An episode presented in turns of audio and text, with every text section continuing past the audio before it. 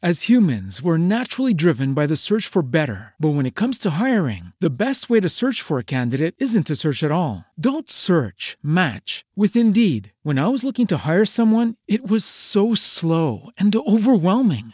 I wish I had used Indeed. If you need to hire, you need Indeed. Indeed is your matching and hiring platform with over 350 million global monthly visitors, according to Indeed data, and a matching engine that helps you find quality candidates fast. Ditch the busy work. Use Indeed for scheduling, screening, and messaging so you can connect with candidates faster. And Indeed doesn't just help you hire faster. 93% of employers agree Indeed delivers the highest quality matches compared to other job sites, according to a recent Indeed survey. And listeners of this show will get a $75 sponsored job credit to get your jobs more visibility at Indeed.com slash podcast. That's Indeed.com slash podcast. Terms and conditions apply. Dit is de nieuwe podcast van Verbouwkosten. En dit is de aller, aller, allereerste podcast. En ik vind het, uh, nou, ik vind het best wel spannend. Ik heb er ook wel heel veel zin in. Ik heb een aantal verbouwvragen die in deze eerste podcast behandeld gaan worden. En ik stel voor om maar gewoon direct van start te gaan nadat ik verteld heb waarom. Um, nou, het is zo dat ik uh, naast uh, graag bezig ben met verbouwen, graag sport. Dan luister ik altijd naar podcast. En toen dacht ik, waarom niet gewoon een verbouwpodcast? Want als je bezig bent met de verbouwing, dan heb je het waarschijnlijk uh, drukker dan in de normale weken of maanden. Dus dan heb je nog minder tijd om wat te gaan lezen op internet of een video te kijken. Dan wil je misschien tijdens het sporten of tijdens het autorijden naar je werk of tijdens het fietsen kun je misschien wel een podcast luisteren over verbouwen. Dus daarom ga ik hiermee starten. Ik hoop op heel veel vragen voor uh, nummer 2 van de podcast. Of als je dit later hoort, nummer 10, 20 of ja, ik ben benieuwd uh, hoe snel er heel veel nieuwe podcasts zijn van verbouwkosten. Dus dat is de reden daarvan. Ik zou zeggen, uh, veel plezier met luisteren. Stel gerust je vraag. En de eerste vraag is van Auke, die heeft de eer die vraagt zich af: ik wil mijn spouwmuren gaan laten isoleren, maar de buitenmuur is gestuukt. Je kent waarschijnlijk wel uh, de huizen die wit, grijs of andere kleur hebben, dan zijn ze helemaal glad gestuukt. Auke heeft dat ook, maar die heeft wel uh, ja, de vraag van wat moet ik nu doen? Want ik wil mijn spouwmuur gaan laten isoleren. Ik heb een spouw, geen brede spouw, maar hij kan geïsoleerd worden volgens het bedrijf. Maar er zit dus een stuklaag op.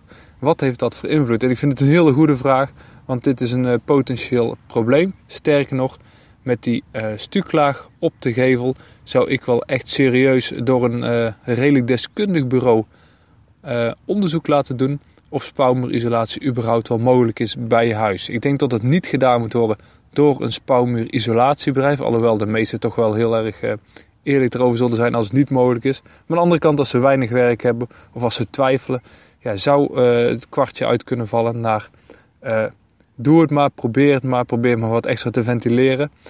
Um, dus daarom zou ik echt een onafhankelijk uh, deskundig advies willen hebben met metingen, want het gaat om damdoorlatendheid. Want wat gebeurt er bij uh, spouwmuurisolatie?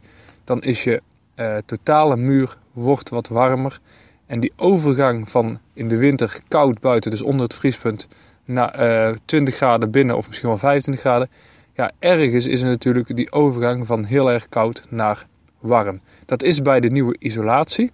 Dus dan kun je je voorstellen dat het uh, warmtediagrammetje van uh, ja, die min 20 pl uh, plotseling over een paar centimeter, dus van de open ruimte in de spouw, gaat naar plus 25. En wat ontstaat er? Ontstaat condens, water, vocht. Nou, water is misschien een groot woord, maar het wordt daar wel natuurlijk vochtig. Want die koude lucht warmt op en ontstaat er dus vocht. Nou, waar moet dat heen? Dat moet naar buiten. Dus is het buitenspouwblad, het buitenste deel van de muur. En als uh, die stukwerklaag zorgt voor een enorm damdichte laag, en sommige stukwerklagen doen dat, uh, sterker nog de meeste uh, stukwerklagen doen dat. En als die stukwerklaag het niet doet, dan doet wel de schilderlaag er bovenop, het keimwerk. Als daar gewoon een normale, traditionele muurschilderverf op zit, zal ik maar zeggen, dan is dat behoorlijk damdicht. Wat gebeurt er dan? Het vocht kan niet weg in de muren.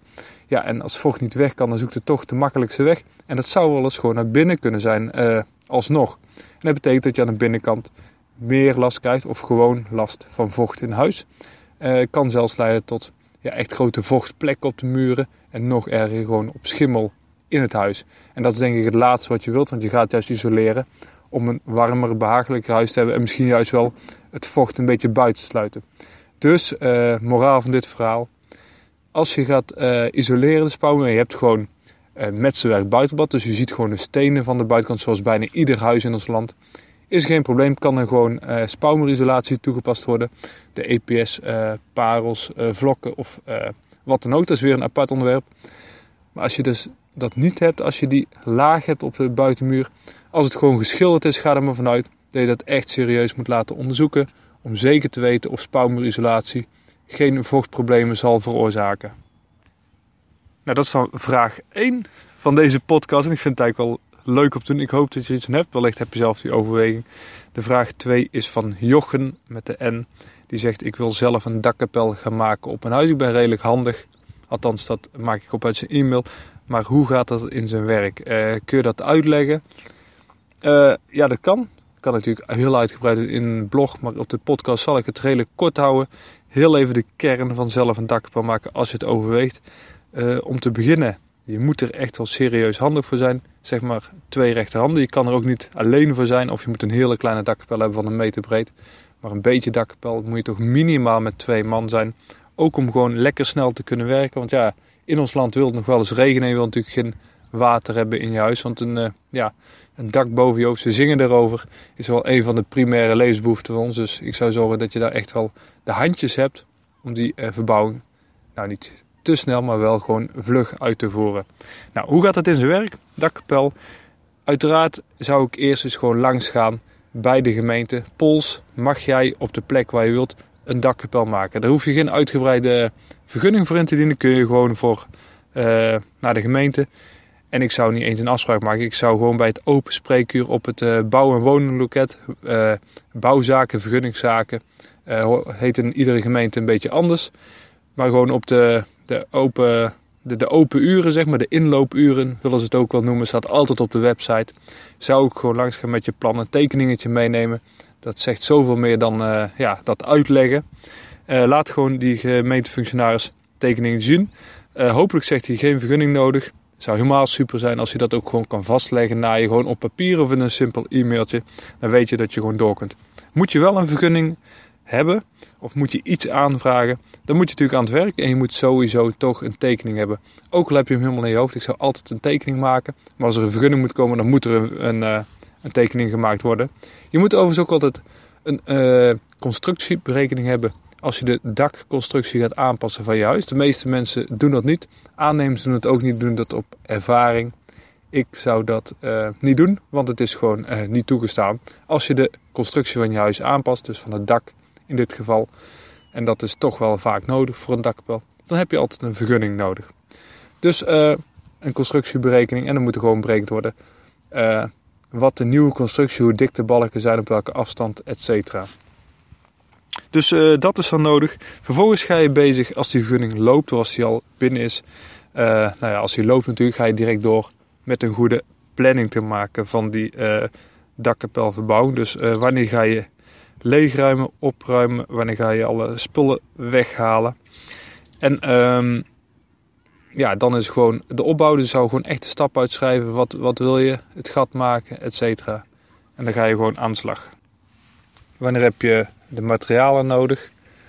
Uh, en dan ook precies wat voor materialen. Dus wat voor balken, wat voor hout, wat voor dakpannen, wat voor isolatiemateriaal, wat voor folies, wat voor kozijn natuurlijk, kies je voor hout of kunststof.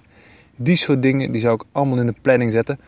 Uh, niet alleen voor jezelf dadelijk tijdens die uitvoeringsfase, maar ook gewoon om nu echt uh, gewoon in je hoofd en dus op papier stuk voor stuk door te lopen wat je allemaal nodig hebt hebt en wat voor materialen, wat voor kleur alles moet worden. Op die manier dan hoef je niet zozeer na te denken. Dan ga je als schrijvende wijs toch bedenken: oh, dat hebben we nog niet bedacht. Dat moet ik nog even uitzoeken.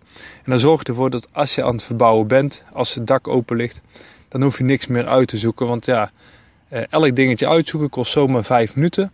Een keer op en neer rijden naar de bouwmarkt, daar kom ik zo op, kost je heel vaak een half uur bij de meeste mensen. En uh, ja, die tijd, uh, als je bijvoorbeeld dit wil doen in wat vrije uren, dan uh, wordt het toch een beetje een lastig verhaal. In ieder geval een heel lang traject. Dus dat zou toch zeker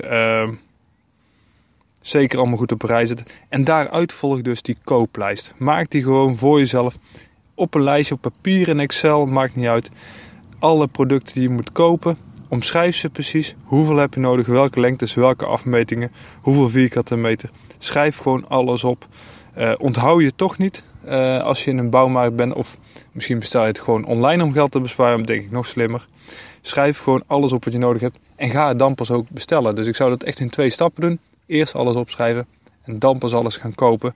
Dat is gewoon efficiënt en scheelt je gewoon tijd. En scheelt je ook te vaak op en neer naar de bouwmarkt. En koop natuurlijk gewoon altijd te veel. Want je kan bijna altijd alles gewoon gratis retourneren.